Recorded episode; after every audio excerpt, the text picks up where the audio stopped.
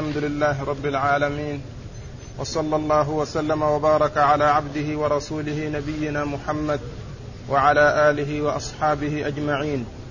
قال الإمام النسائي رحمه الله الإختلاف في كيفية التيمم وقال أخبرنا العباس بن عبد العظيم العنبري قال حدثنا عبد الله بن محمد بن أسماء قال حدثنا جويرية عن مالك عن الزهري عن عبيد الله بن عبد الله بن عتبة أنه أخبره عن أبيه عن عمار بن ياسر رضي الله عنه أنه قال تيممنا مع رسول الله صلى الله عليه وسلم بالتراب فمسحنا بوجوهنا وأيدينا إلى المناكب.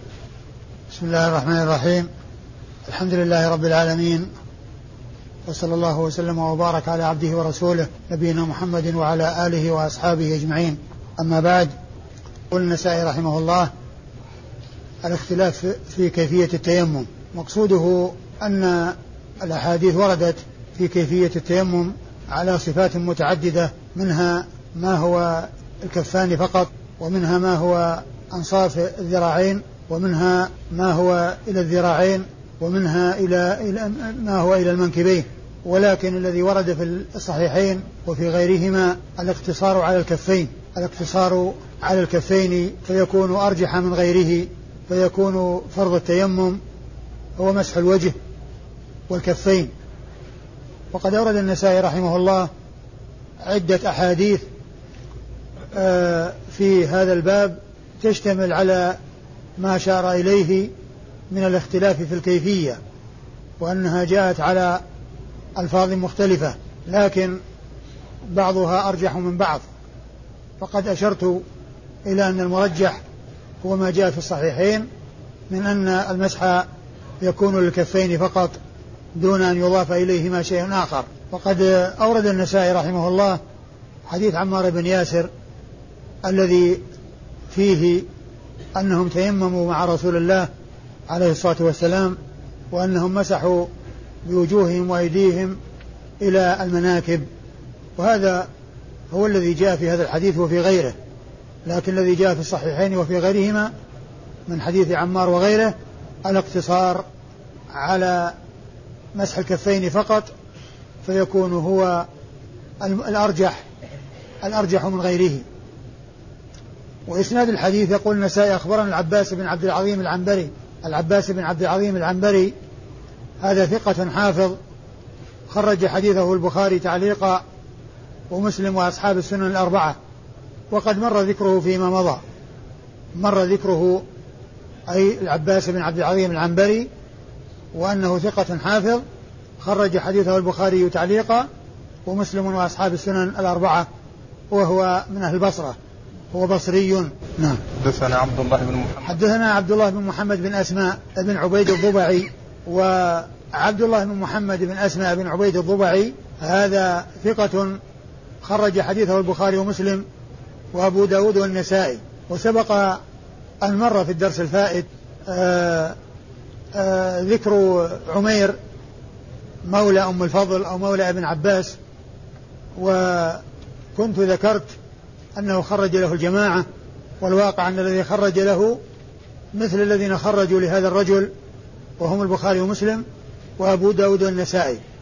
الذين خرجوا لعمير بن عبد الله الهلالي مولى أم الفضل ويقال له مولى بن عباس وهو ثقة خرج حديثه البخاري ومسلم وأبو داود النسائي والذي معنا هنا عبد الله بن محمد بن أسماء بن عبيد الضبعي البصري خرج حديثه البخاري ومسلم وأبو داود والنسائي خرج له صاحب الصحيح وخرج له اثنان من أصحاب السنن الأربعة وهما أبو داود والنسائي ولم يخرج له الترمذي ولا ابن ماجه. عن جويرية وجويرية هذا عمه عم عبد الله بن محمد بن أسماء ابن عبيد الضبعي لأن هذا جويرية بن أسماء ابن عبيد الضبعي وذاك عبد الله بن محمد ومحمد أخو جويرية. آه جويرية ومحمد أبناء لأسماء بن عبيد الضبعي وجويرية وأسماء آه، جويرية بن أسماء اسم أبيه اسمه واسم أبيه من الأسماء المشتركة التي يسمى بها الرجال والنساء وهي مشهورة بأسماء النساء جويرية وأسماء إلا أن هذين الرجلين الولد والأب آه، آه، اسماهما مماثلة لأسماء النساء. جويرية بن أسماء. جويرية اسم رجل وأسماء اسم رجل وهي موافقة لأسماء النساء. اسمه هو اسم أبيه جويرية بن أسماء بن عبيد الضباعي وجويرية بن أسماء بن عبيد الضبعي هذا صدوق خرج حديثه آه البخاري ومسلم وأبو داود والنسائي وابن ماجه. أي مثل الذي قبله مثل ابن أخيه مثل الذين خرجوا لعمه مثل الذين خرجوا لعمه الذين خرجوا لابن أخيه اللي هو عبد الله بن محمد وزيادة آه، ابن ماجه. لأن عبد الله بن محمد بن, بن أسماء خرج له البخاري ومسلم وأبو داود والنسائي وجويرية ابن أسماء الذي هو عم عبد الله بن محمد بن أسماء خرج له من خرج لابن أخيه وزيادة ابن ماجه. عن مالك. عن مالك ابن أنس إمام دار الهجرة المحدث الفقيه المشهور العلم الذي آه، اشتهر فقهه وصار له مذهب مشهور آه، ودون فقهه وصار له أتباع اعتنوا بفقهه وهو محدث فقيه آه، حديثه عند أصحاب الكتب الستة. حديثه عند أصحاب الكتب الستة وقد مر ذكره كثيرا فيما مضى. عن الزهري. عن الزهري وهو وهو محمد بن مسلم بن عبيد الله بن عبد الله ابن الحارث ابن عبد الله بن زهر آه، ابن شهاب ابن عبد الله بن الحارث بن زهرة بن كلاب. وقد مر بنا ذكره كثيرا وهو إمام علم ومحدث فقيه ومكثر من رواية الحديث عن رسول الله مكثر من رواية حديث رسول الله عليه الصلاة والسلام.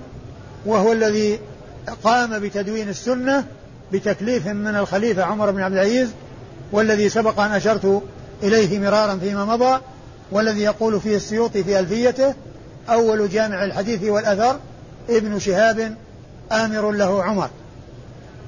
وحديثه عند أصحاب الكتب الستة. عن عن عبيد الله بن عبد الله. عن عبيد الله بن عبد الله بن عتبة بن مسعود وهو ثقة فقيه وهو أحد الفقهاء السبعة في عصر التابعين المشهورين في المدينة.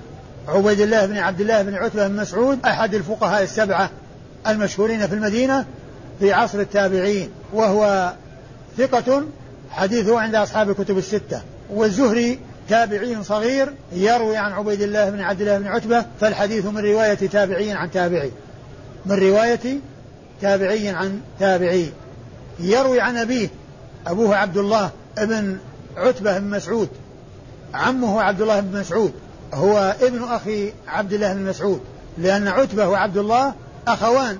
وعبد الله هذا يروي وعبد الله هذا هو ابن أخي ابن أخي عبد الله بن مسعود الهذلي. وهو ثقة خرج حديثه البخاري ومسلم وأبو داود والنسائي وابن ماجه. يعني الذين خرجوا لجويرية بن أسماء الذي مر في هذا الإسناد هم الذين خرجوا لوالد عبد عبيد الله الذي هو عبد الله ابن عتبة ابن مسعود الذي عمه عبد الله بن مسعود الهذلي رضي الله تعالى عنه. وإذا فهو ثقة خرج حديثه آه، آه، آه، صاحب الصحيح البخاري ومسلم وأصحاب السنن الأربعة إلا الترمذي.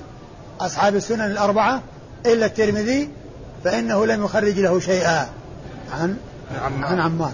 عمار بن ياسر مر ذكره في الأسانيد المتقدمة وهو صاحب رسول الله صلى الله عليه وسلم ورضي الله تعالى عنه وعن الصحابة أجمعين. قال نوع آخر من التيمم والنفخ في اليدين.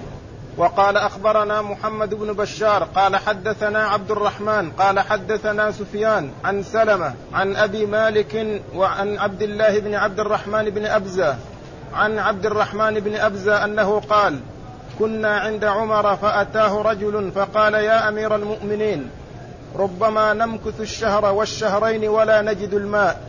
فقال عمر أما أنا فإذا لم أجد الماء لم أكن لأصلي لم أكن لأصلي حتى أجد الماء.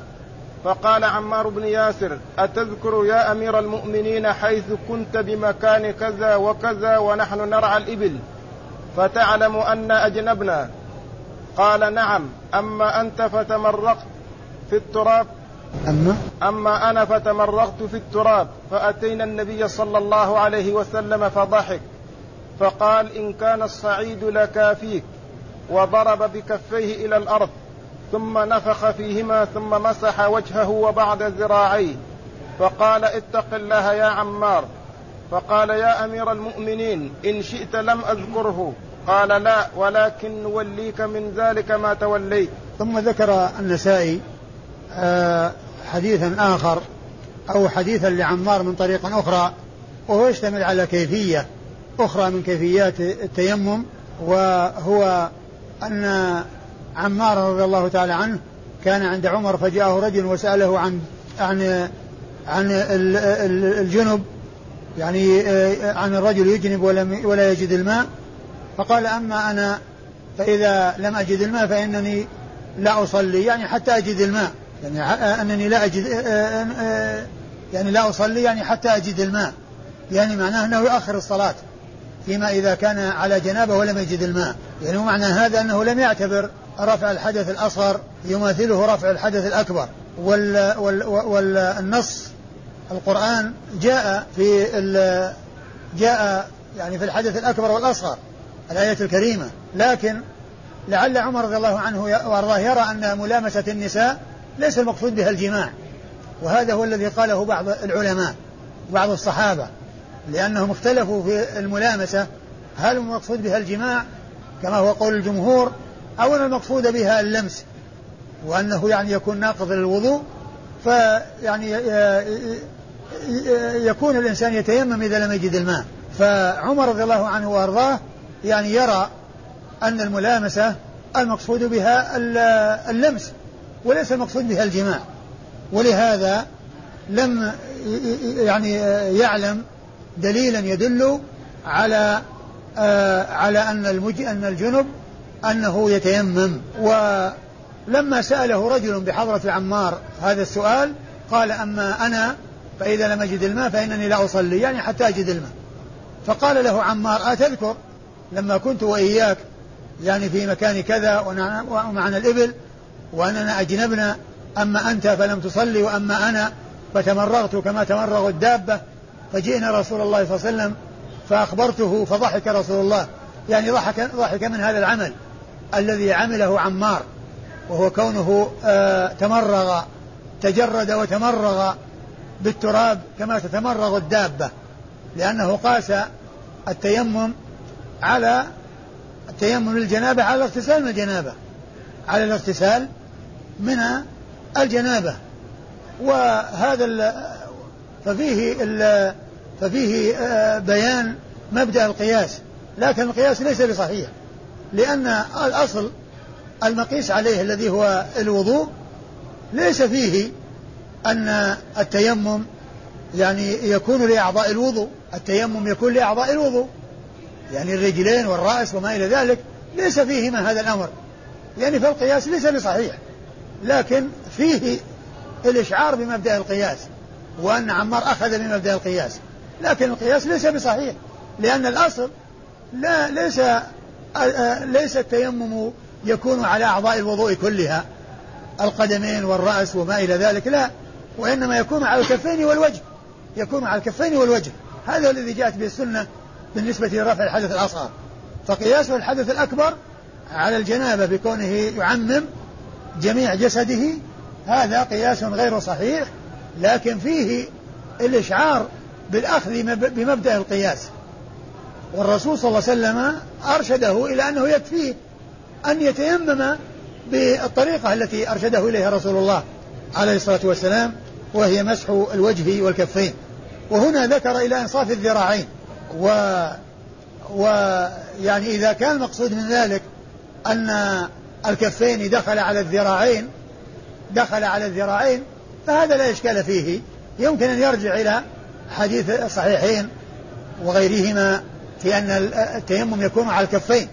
وإذا كان المقصود من ذلك الزيادة فهذه الزيادة ليست موجودة في الصحيحين والمعتبر هو ما يعني كثر فيه الرواة وجاء في الصحيحين وفي غيرهما من أن التيمم إنما يكون للكفين فقط دون أن يضاف إليهما ذراعان أو بعض الذراعين أو إلى المنكبين. فيكون هذا أرجح يعني من غيره في بيان تلك الكيفية. وفيه أنه نفخ في يديه.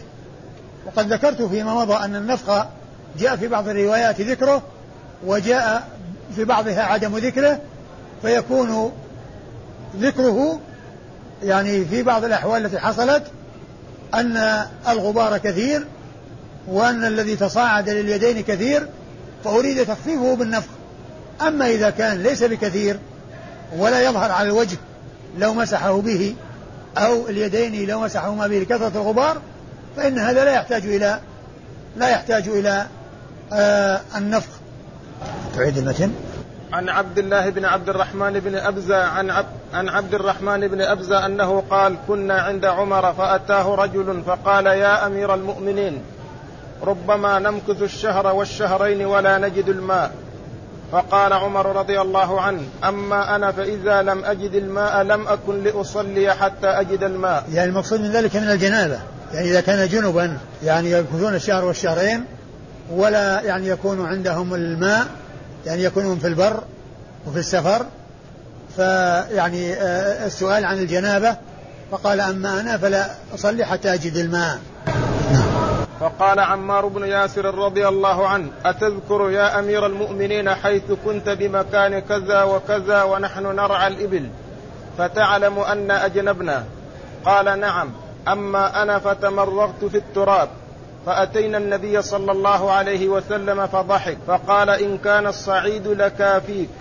وضرب بكفيه إلى الأرض ثم نفخ فيهما ثم مسح وجهه وبعض ذراعيه. انتهى؟ فقال اتق الله يا عمار. فقال يا أمير المؤمنين إن شئت لم أذكره. قال لا ولكن نوليك من ذلك ما توليت. ثم آه، يعني الحديث فيه دلالة على أن على على أن من عنده علم عن رسول الله صلى الله عليه وسلم فإنه يبديه وأنه قد وأن وأن بعض الصحابة قد يعني يكون عنده علم في المسألة ولكنه ينساه فإن عمر رضي الله عنه وأرضاه قد نسي هذا الذي جرى بينه وبين عمار وهذا الذي حصل عند رسول الله صلى الله عليه وسلم وأنه أخبره.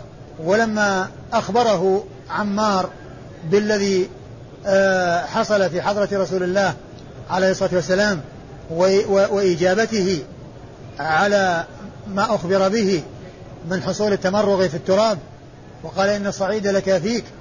قال له عمر اتق الله. يعني يعني هذا فيه تثبت في الرواية وأنه يريد منه أن يكون على ثقة وعلى يقين. وقال عمار إن شئت لم أحدث بهذا لأنه يعني لأن عمار رضي الله عنه قد حصل منه التحديث وحصل منه التبليغ. فكونه يكرر ذلك يعني قد أدى ما عليه. فلو أراد أن يتوقف عنه فإنه أبلغ وقد أدى ما عليه.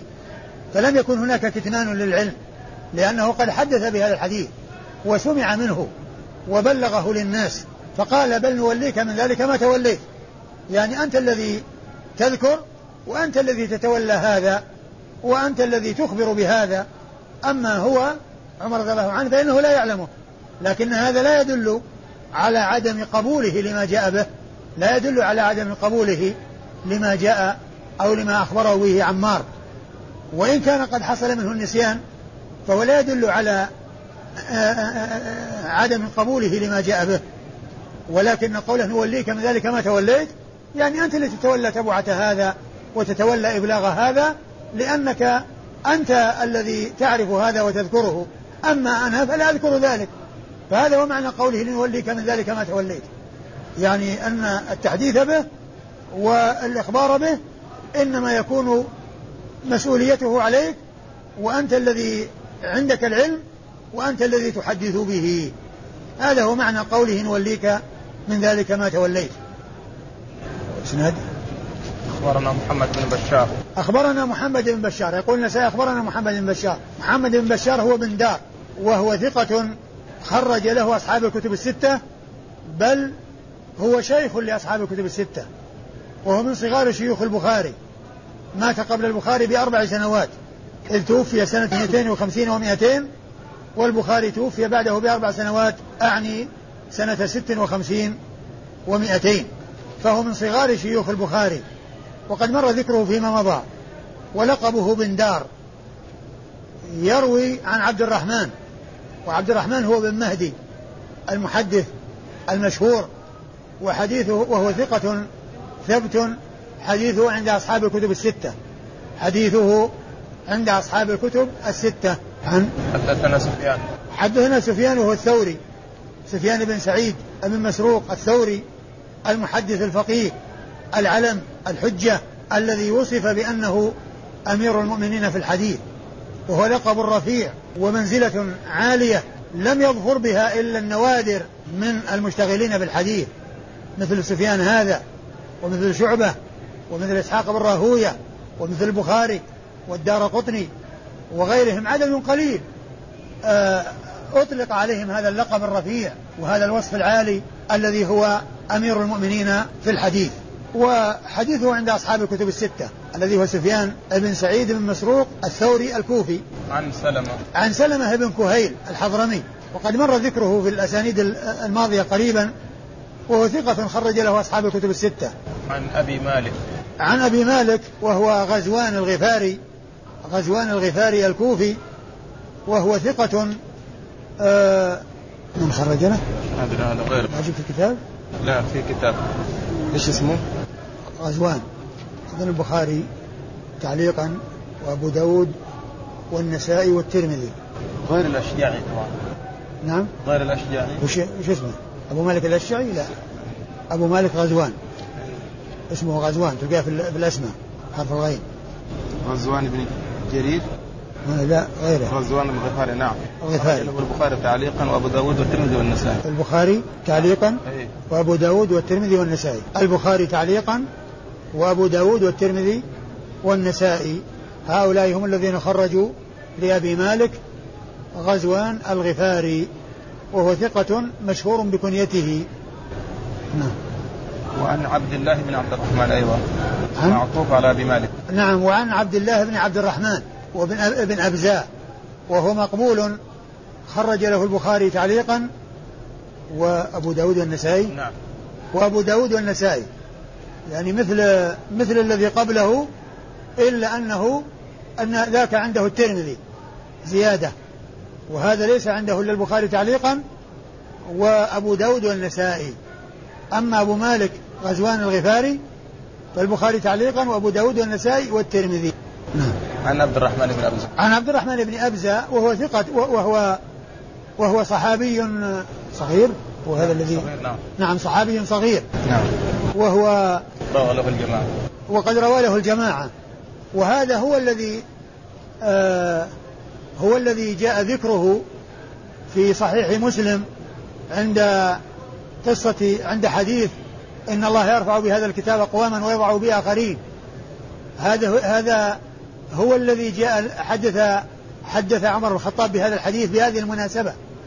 لأن عمر بن الخطاب له أمير على مكة. اسمه نافع. ما تذكر نسبه. فلقيه. فقال له من أمرت عليهم في حال غيبتك؟ من وليت مكانك لينوب عنك حتى تعود؟ فقال عبد الرحمن بن أبزة. قال ومن, ومن عبد الرحمن بن أبزة؟ قال رجل من الموالي. قال وليت عليهم مولى قال إنه إنه إنه إنه عالم بكتاب الله عارف بالفرائض. إنه عالم بكتاب الله عارف بالفرائض.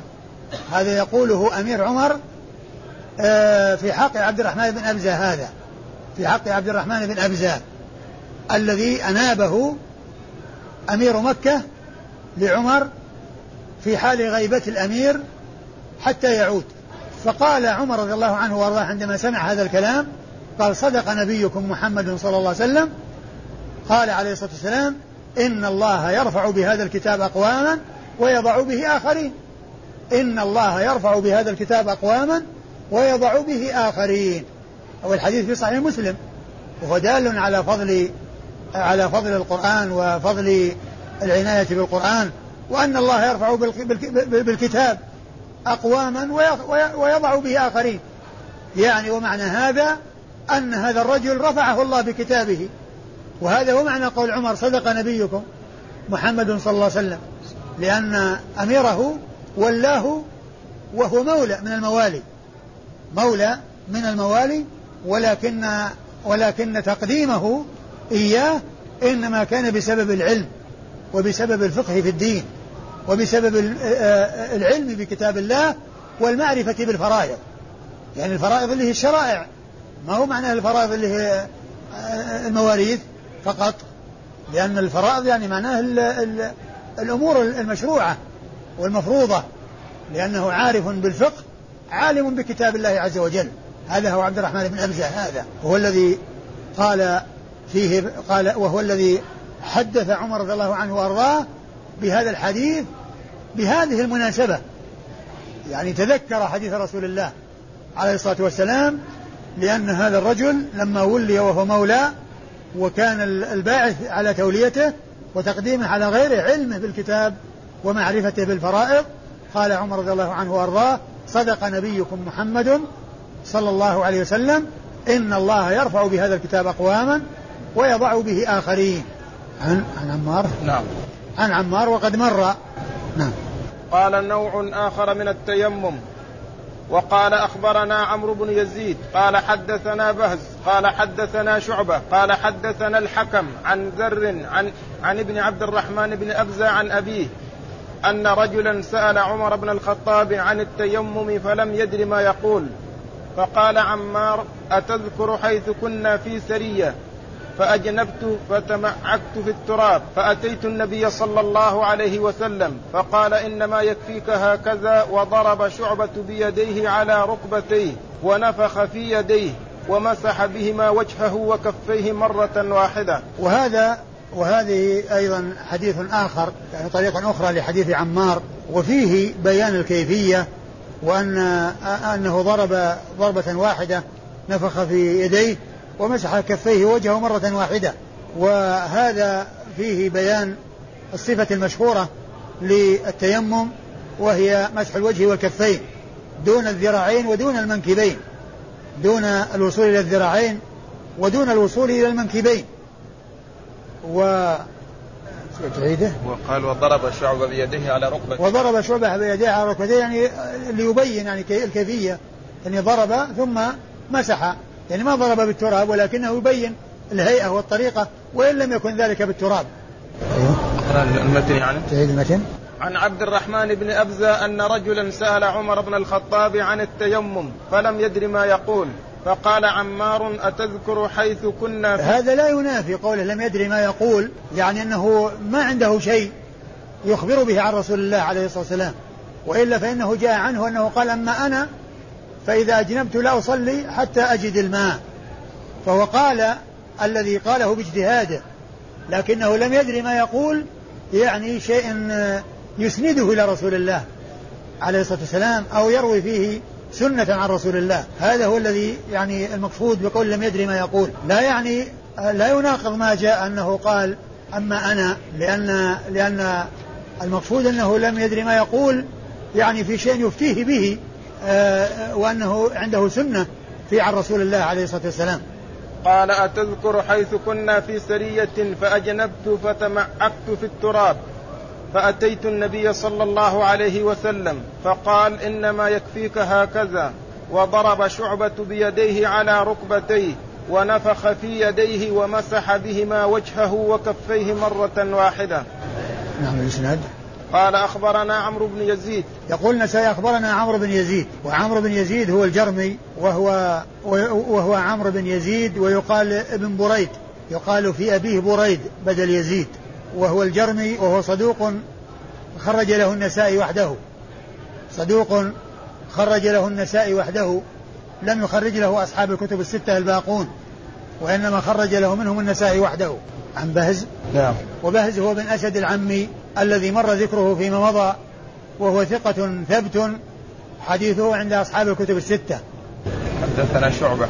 حدثنا شعبة بن الحجاج الثقة الثبت الذي وصف بذلك الوصف بذلك اللقب بذلك الوصف العالي ولقب بذلك اللقب الرفيع الذي هو أمير المؤمنين في الحديث فهو أحد الأشخاص الذين لقبوا بهذا اللقب وهو من أعلى صيغ التعديل والتوثيق وحديثه عند أصحاب الكتب الستة. حدثنا الحكم. حدثنا الحكم بن عتيبة. الحكم هو بن عتيبة الكندي الكوفي وهو ثقة خرج له الجماعة أصحاب خرج له الجماعة أصحاب الكتب الستة. وقد مر ذكره فيما مضى. عن, عن در. نعم. عن در بن عبد الله المرهبي وهو وهو وقد مر ذكره في الأحاديث القريبه في, في الأحاديث الماضية قريبا فيما يتعلق بالتيمم. وهو ثقة خرج له أصحاب الكتب الستة. عن ابن عبد الرحمن بن أبزة. عن ابن عبد الرحمن بن أبزة وهو سعيد ابن عبد الرحمن. لأن هذا الحديث الذي فيه رواية ذر يعني يروي عن سعيد. وقد مر ذكره. وسعيد هذا يعني ابن عبد الرحمن ثقة من رجال الكتب الستة. ثقة خرج له أصحاب الكتب الستة كما خرجوا لأبيه عبد الرحمن بن أبزاء وعبد الرحمن بن أبزاء صحابي صغير خرج له أصحاب الكتب الستة. قال نوع آخر من التيمم. وقال أخبرنا إسماعيل بن مسعود قال حدثنا خالد قال حدثنا شعبة عن الحكم قال سمعت ذرا يحدث عن ابن أبزة عن أبيه أنه قال وقد سمعه الحكم من ابن عبد الرحمن قال أجنب رجل فأتى عمر رضي الله عنه فقال إني أجنبت فلم أجد ماء قال لا تصلي قال له عمار أما تذكر أنا كنا في سرية فأجنبنا فأما أنت فلم تصلي وأما أنا فإني تمعكت فصليت ثم أتيت النبي صلى الله عليه وسلم فذكرت ذلك له فقال إنما كان يكفيك وضرب شعبة بكفه ضربة ونفخ فيها ثم دلك إحداهما بالأخرى ثم مسح بهما وجهه فقال عمر شيئا لا أدري ما هو فقال إن شئت لا حدثت وذكر شيئا في هذا الإسناد عن أبي مالك وزاد سلمة قال بل نوليك من ذلك ما توليت.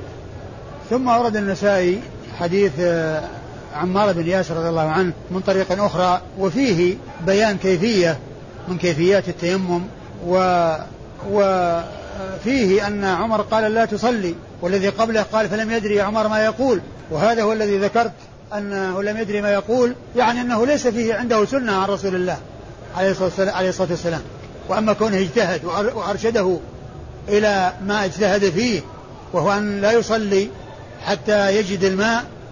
فهذا هو أخبره به بل قد أخبر عن نفسه بأنه لا يصلي حتى يجد الماء أنه لا يصلي حتى يجد الماء. إيش اسم الحديث؟ أخبرنا إسماعيل بن مسعود. أخبرنا إسماعيل بن مسعود وهو الجحدري وهو آه وهو ثقة خرج له النسائي وحده ثقة خرج له النسائي وحده وقد مر ذكره فيما مضى.